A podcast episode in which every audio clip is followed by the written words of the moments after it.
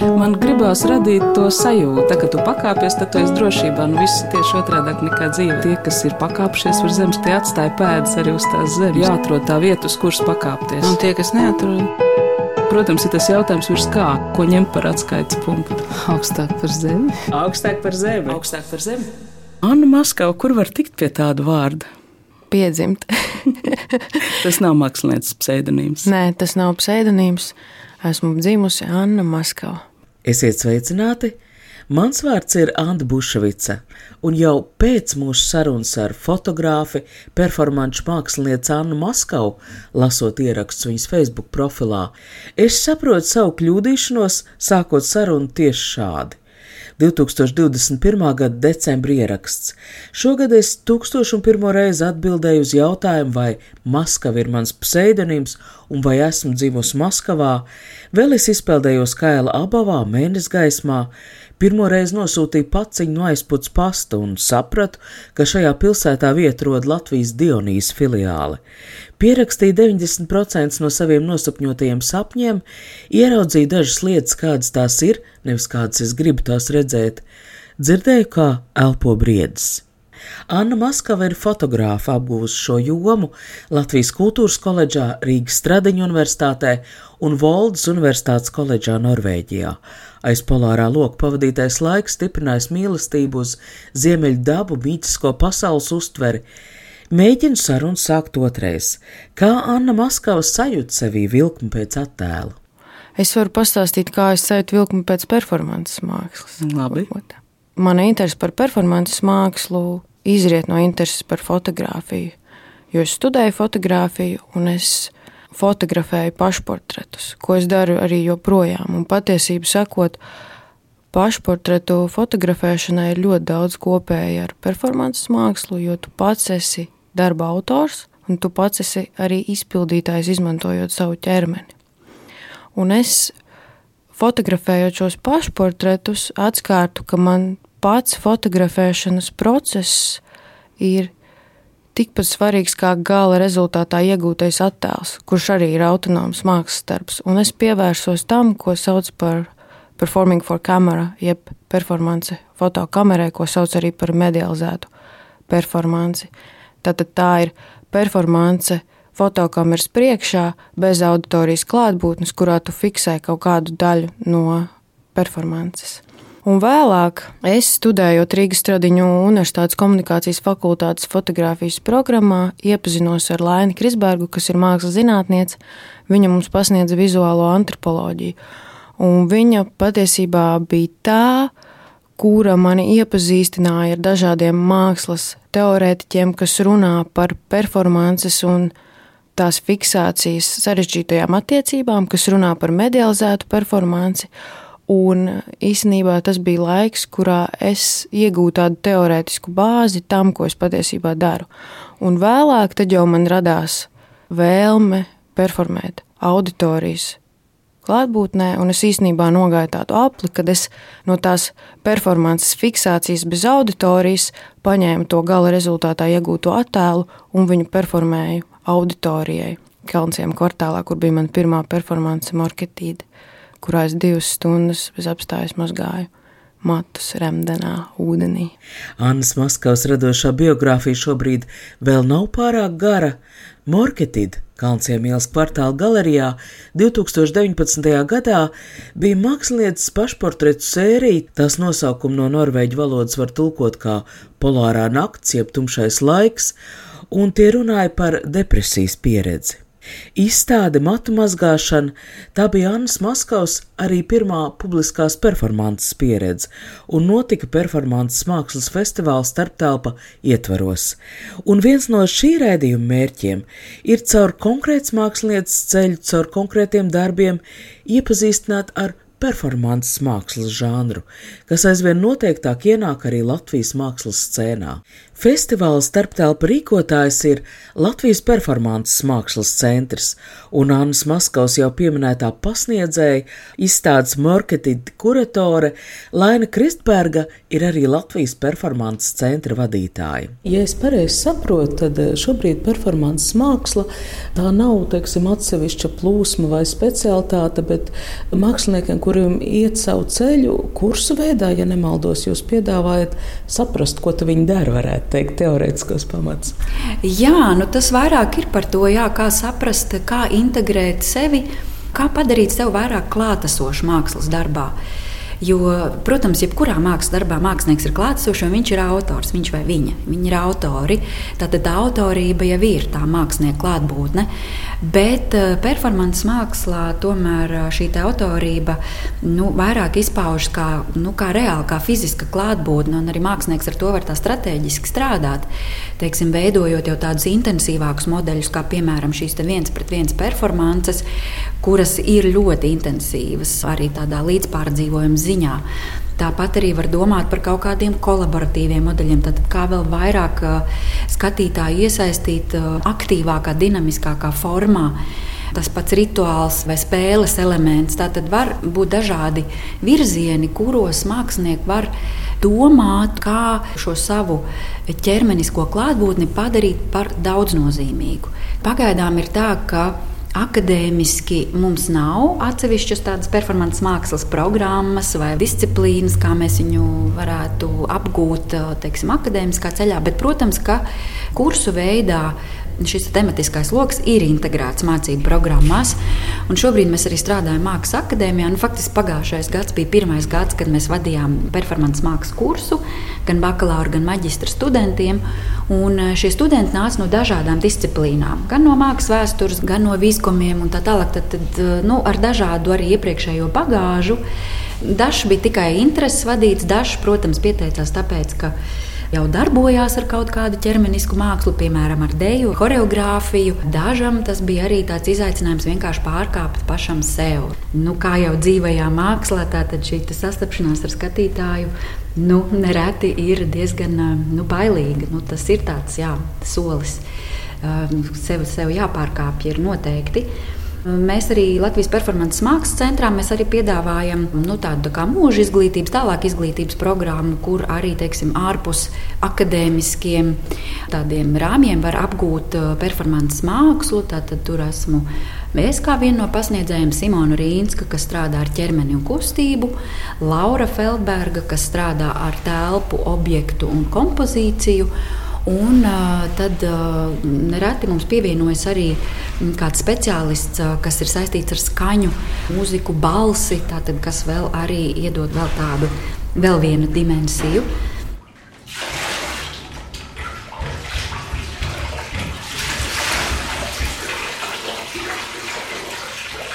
Performance marketīte norisinājās manas personāla izstādes marketīta atklāšanā Kalnciem kvartāla galerijā, un tajā es divas stundas no vietas mazgāju galvu remdenā ūdenī, bleķa vannā. Šajā performancē es atcaucos uz vairākām lietām, un viena no tām, protams, ir atsaukšanās uz rituālu. Rituālam vispār ir ļoti daudz kopēju ar performances mākslu. Es atcaucos uz mazgāšanās rituālu, attīrīšanās rituālu.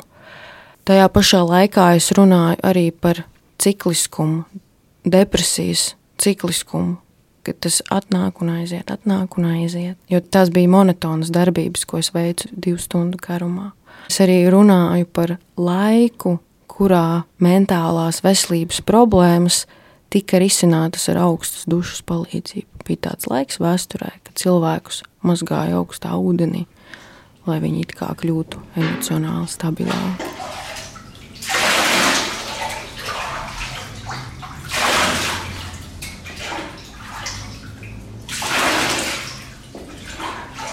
Šajā performancē es pa īstam pietuvinājos tai apziņai, ko nozīmē performances māksla, jo es izdarīju kaut ko tādu, ko es nekad nedomāju, ka es varu izdarīt.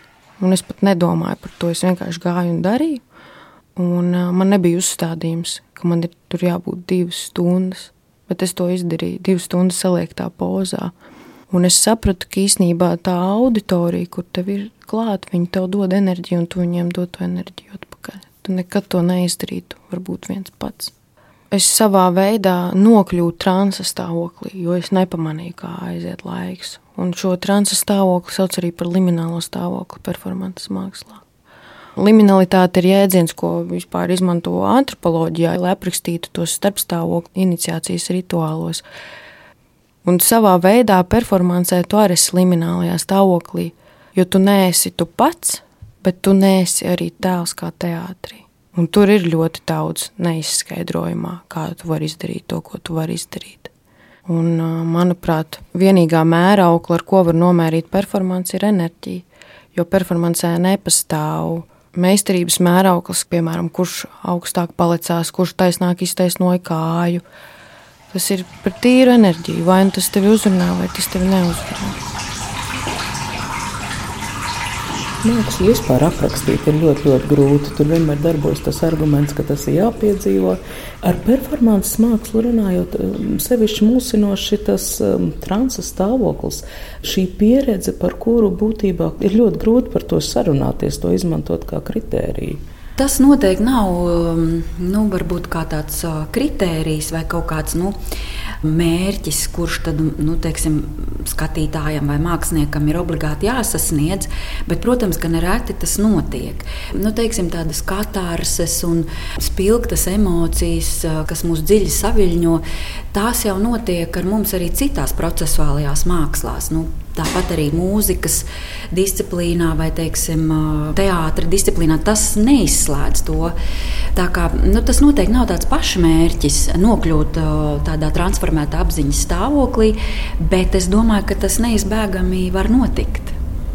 Es saprotu, ka to nedrīkst jaukt ar pašdziedināšanu vai mākslas terapiju, ka tur ir starpība. Nu, disciplīnām noteikti ir starpība, jo nu, teiksim, mums jau ir arī atsevišķas programmas. Teiksim, ja mēs gribam kļūt par terapeitiem, ir atsevišķas programmas, mākslas terapija, kustība terapija, kur mēs iegūstam specialitāti jomā. Bet um, nu, performances māksla, protams, kā vizuālās mākslas disciplīna, vairāk pieder mākslas jomai. Bet uh, tas nenozīmē, ka māksla nedziedina. Nu, tur noteikti ir arī terapeitisks efekts, jo sevišķi nu, tādos rokrakstos kā Annai, kur ir šī pašrefleksija un tāda dziļa analīze gan par savu privāto biogrāfisko materiālu, gan arī par tādiem jau plašākiem kontekstiem, kur tas privātais uh, ierakstās jau tajā publiskajā Un es pieļauju, ka tas ir terapeitiski, un, un jo sevišķi arī performances mākslā, kas ir uz procesu virzīta, tātad nokļūstot šajā procesā. Vai, teiksim, īstenojot mākslas darbu kā rituāla sastāvdaļu, nu, protams, ka ar mums arī notiek kaut kāda iekšēja transformācija. Nu, tā nav tikai tāda reprezentācija, bet mākslinieks jau iet šajā procesā arī dziļumā. Es domāju, ka terapeitisks efekts noteikti ir es negribētu teikt, ka tas ir pašdziedināšanas moments. Nu, tā kā tu pats sevi dziedini. Tad tā būtu terapija, bet eh, tā vairs nav, nu, tā vairs nav terapija. Jo priekšterapijas ir eh, psihoterapeiti. Šī gada janvārī Anna Maskavs, Andija Santa strādāja Sanšusī labklājības rezidenču programmā, sadarbojoties ar Aknīstes psihoneiroloģiskās slimnīcas un Aknīstes veselības un sociālās aprūpas centra iemītniekiem. Rezidences mērķis ir šo pieredzi, ko tu esi iegūmis, komunicējot ar šiem cilvēkiem, integrēt mākslas darbā. Un šajā laikā, kad mēs tur bijām, bija sākusies karantīna, respektīvi mēs šos cilvēkus nevarējām satikt, mēs varējām ar viņiem tikai sazvanīties. Līdz ar to katru dienu mēs pavadījām vairākas stundas sazvanoties ar cilvēkiem, kas ilgstoši atrodas psihoneiroloģiskajā slimnīcā. Mēs jums sakam vārdu iedvesmā, un kas pirmās asociācijas nāk prātā? Sieviete. Kas lūdzu? Sieviete. Sieviete. Sieviete. Tā kā mūza? Jā, vienmēr ir iedvesma. Sieviete ir iedvesma, jā, nu jā, es piekrītu. tā ir, vienkārši tā ir, viņam sieviete daudz ko iedvesmo. No kurienes nāk cilvēkiem iedvesma radīt? No kurienes viss rodās? Kas to cilvēku dzen radīt, darīt? Pārsvarā tā ir mīlestība, viss kārs, visu šitos dara mīlestību. Tas ir tāds greizsirdība, mīlestība un mīlestības pamata priekšā arī, nu, simt punktu kaut kas saka ar to mīlestību, vai nu greizsirdība, vai nu vēl, tur būtu kāds, ko mīlēja, kāda neida un tagad pasaules karš. Tu esi domājis, kas vispār ir mīlestība, no kurienes vispār mīlestība rodas, vai viņai ir kaut kāds avots? Avots? Nu jā, jā tas ir tava organisma kāds hormons. Ceremons, vai kā viņš sauc. Ok. Bet tur nav nekā, tas ir, tu domā, ka tas ir tīri ķīmisks process? Es domāju, ka jā. Aha. Šis modelis pat ļāva dziļāk piekļūt šiem cilvēkiem nekā tad, ja mēs būtu bijuši pie viņiem klātienē. Jo tad tur varbūt būtu grupu darbs, mēs darbotos grupās, bet šeit tu biji viens pret viens ar konkrēto cilvēku, un tu viņam varēji uzdot dažādus jautājumus. Un ir jāatcerās, ka šiem cilvēkiem šie filtri, runāšanas filtri darbojas pavisam citādāk. Līdz ar to tev ir milzu atbildība par to, ko tu jautā un kur tu ved šo cilvēku sarunā. Tas arī bija kā mežā, kad tu ieej tādā riktīgā, tumšā mežā, un tu jūti, ka tur tālāk nevar iet, ka tu nedrīksti tur iet jo tad tu netiksi ārā, un tas cilvēks tev ir pie rokas, tu viņu vedi īstenībā, tu esi vedējs. Tas ir līdzīgi kā performancē, ka tu esi vedējs, tev ir milzīga atbildība. Šiem cilvēkiem tiešām ļoti pietrūkst mākslas terapijas. Mēs, protams, neesam mākslas terapeiti, mēs vienkārši esam mākslinieki, mēs neesam terapeiti. Bet viņiem tiešām pietrūkst šīs radošās izpausmes, kāda vadībā, kas viņus novērtē, ar viņiem parunā. Tur ir ļoti daudz cilvēku, kas raksta dzēju, kas radoši izpaužās, kas zīmē, un kuriem ir iekšā tas dzinulis radīt. Un tas bija viens no vadmotīviem, ko mēs ar Sandiju Santu kopā ar viņiem pārunājām, kas ir tas, kas viņus iedvesmo. Šie cilvēki tur atrodas ilgstoši, un man likās ārkārtīgi skaisti, ka cilvēki, kas kas ir tur ilgstoši aiz aizslēgtām durvīm, runā par mīlestību, ka viņus iedvesmo mīlestību. Tas darbs jau ir tapis. Mēs noslēgumā, šīs rezidences noslēgumā, performējām Agnīstas centrā, un šo performanci pavadīja video darbs, kurš sastāvēja no šiem tekstiem, ko šie cilvēki mums ir teikuši, kā arī no zīmējumiem, kurus viņi ir zīmējuši ar vienu otru striepienu. Toreiz tā bija dziļa ziema, līdz ar to to skatītāju varbūt nebija tik daudz, bet šis darbs tiks parādīts arī Sansusī festivālā 12. augustā. Bet ārpus šīs performances tā ir ļoti svarīga pieredze tev kā individam, kā tu lūkojies vispār uz, uz cilvēku un jautā sev jautājumus, kas ir realitāte. Šajās sarunās pazūd šis realitātes koncepts. Jo jebkas, ko viņi saka, iespējams, nav realitāte. Jūs droši vien esat redzējis Annas Moskavas performances, varbūt paraksturojiet. Jā, Annai ir uh, saudabīgs rokraksts. Nu, pazīstot Annu jau tuvāk, uh, es jau Annai pašai arī esmu teikusi, ka viņa nu, pati ir kā semiotiska zīme. Nu, principā viņas tēls ķermenis, mati ir jau pats par sevi nu, tāds jau nu, poētisks tēls. Un, faktiski viņai pat nevajag ļoti daudz piespiesties, lai to ievietotu nu, kā mākslas darba komponenti.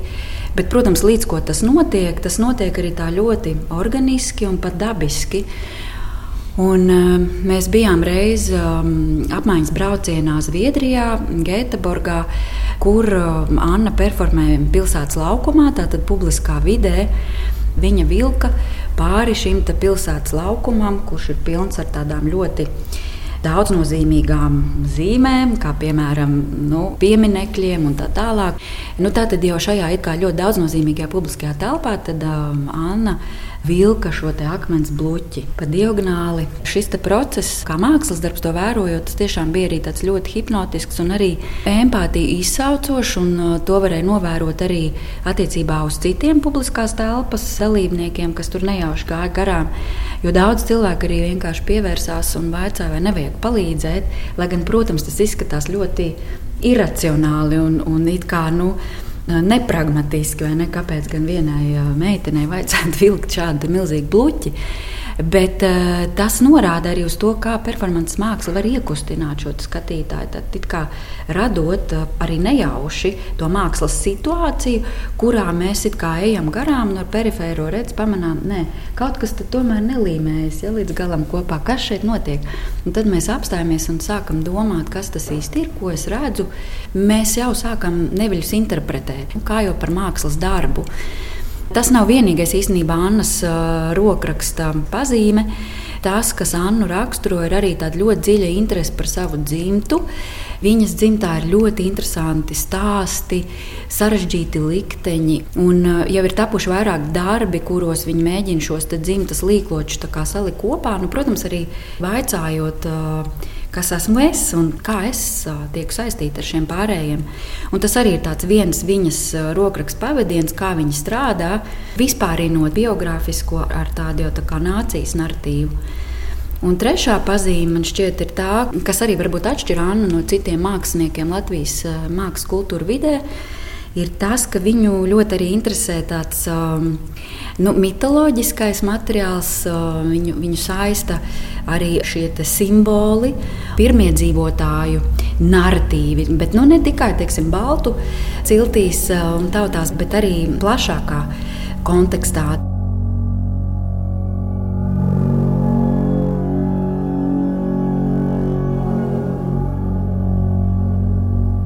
Šie motīvi bija pagājušā gada performances mākslas festivālā Starptelpa notikušajā performancē Oroborus.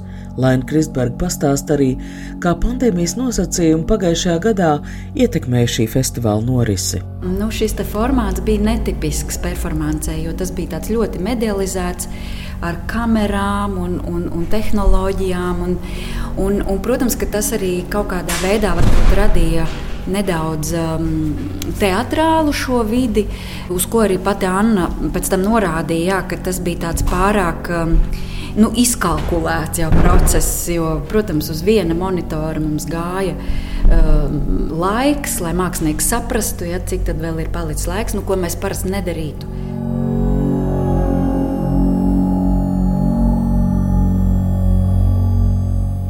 Performances Oroboros fotografijas apskatāms Latvijas radio mājaslapā pie šī raidījuma, tā īpaši muzika radīs komponists Andris Indāns.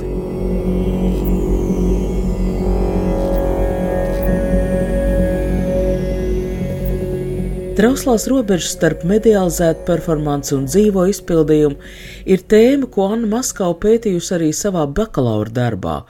Runājot par šī gada performances mākslas festivāla starptelpa, tajā notikušo viņas performanci animāciju, Anna Maskā uzsver tieši klātienes nozīmi, pietuvošanās iespēju ne tikai mākslā, arī kādā plašākā kontekstā. Šā, šā.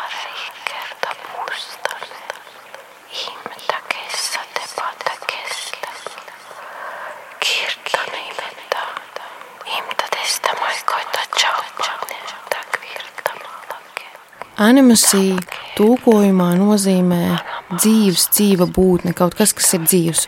Man šķita interesanti, lasot par senajām ciltīm, vairāku cilšu valodās, īpaši Amerikas pamatiedzīvotāju valodās, nav apzīmējuma tas, respektīvi, viss ir dzīves. Mēs sakām latviešu valodā tas akmenis, tas koks. Viņu valodā tāda apzīmējuma nav no vārda anima. Viss, kas ir, tam ir dvēsele. Un man šķita interesanti padomāt par to, kā mainītos mūsu attieksme pret apkārtējo vidi, ja mūsu valodā viss būtu dzīves, pulsējošs īsts, ja mēs uztvertu par dzīvu arī to, kas nēlpo, piemēram, akmeni vai koku. Un šī performance norisinājās modelī viens pret viens, un es ar cilvēkiem komunicēju izdomātā valodā. Tas, ko sauc par automatic speaking, respektīvi, es tajā konkrētajā brīdī, šeit un tagad runāju tekstā, kas nāk caur mani, un es iztēlojos, ka tas ir tas teksts, kādā iespējams runā kādas būtnes, dzīvās būtnes, kas nerunā. Papildus tam es ar viņiem komunicēju ar skatienu, ar pieskārienu un elpu, vai mūsu pūšot viņiem virsū.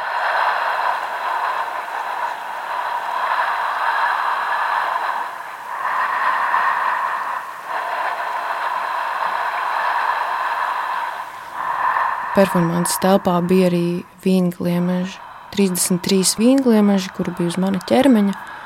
Performancē bija arī ap simts pamestās gliemežu mājiņas bez gliemežiem. Un tā es atcaucos uz dabas cikliskumu, jo mēs zinām, ka uz gliemežu mājiņas ir spirāli.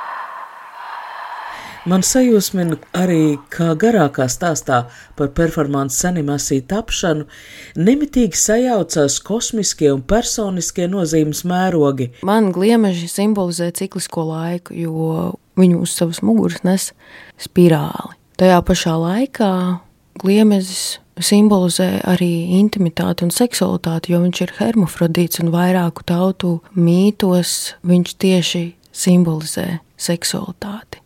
Kā es nonācu līdz gliemezim, īsnībā ļoti interesanti, jo gliemezim ir ļoti nozīmīga vieta manā personīgajā mitoloģijā, kā es to saukšu, jo gliemežu lasīšana īstenībā bija mans pirmais darbs. Es, kad biju maza meitene, es lasīju gliemežus, vīngliemežus, kurus es nodevu un par to saņēmu naudu. Un jau toreiz, tajā laikā, meklējot tos gliemežus, man viņi likās tik ārkārtīgi interesantas pūtnes, tādi kā aizmirsti. Tādi tā kā visur klātesoši, bet aizmirsti. Gatavojoties šai performancei, tā gliemežu vākšana bija kā tāda mana nokļūšana pagātnē nedaudz. 20 gadus vairāk atpakaļ, ka es staigāju un meklēju tos gliemežus priekš savas performances, un es arī domāju par to, vai tas ir ētiski, kad es viņus tur vedīšu uz Rīgu tagad, un kā viņi tur izdzīvos. Bet tad es vācu informāciju, patiesībā sakot, gliemeži var ļoti ilgu laiku izdzīvot bez pārtikas.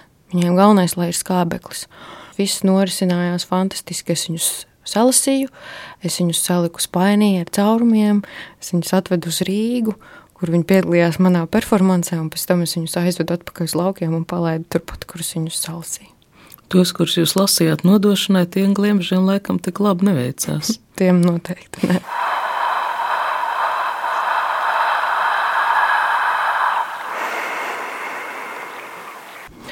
Un man šķita ļoti svarīgi šo performanci veidot modelī viens pret viens šajā pandēmijas laikā tad, kad mums tik maz ir tāda personīgā kontakta.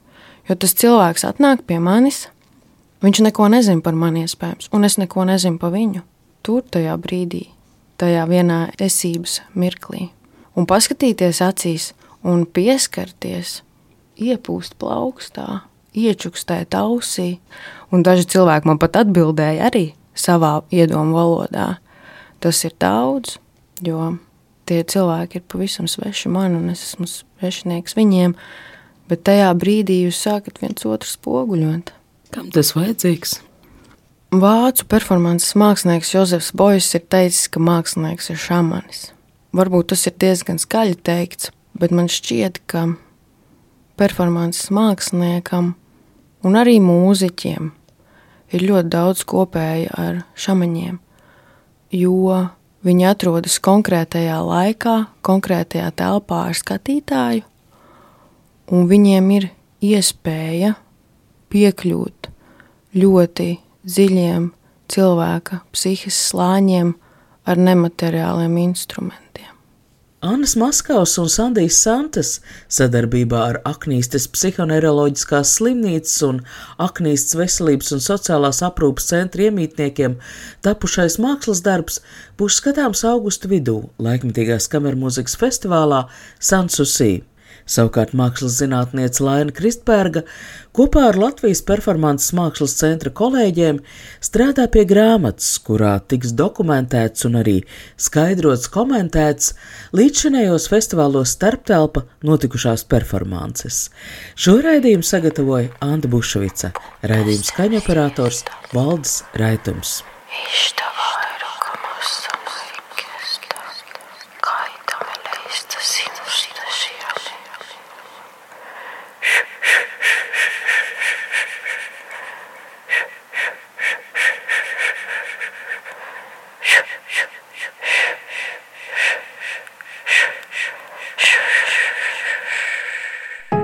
kad tu pakāpies, tad tu esi drošībā. Nu, viss ir tieši otrādi nekā dzīve. Tas ir tā spēle, jā. Tie, kas ir pakāpšies uz zemes, tie atstāja pēdas arī uz tās zemes. Protams, ir tas jautājums, ko ņemt par atskaites punktu. Nē, nu, principā ir skaidrs, augstāk par zemi. Jāatrod tā vieta, uz kuras pakāpties. Augstāk par zemi. Augstāk par zemi. Augstāk par zemi.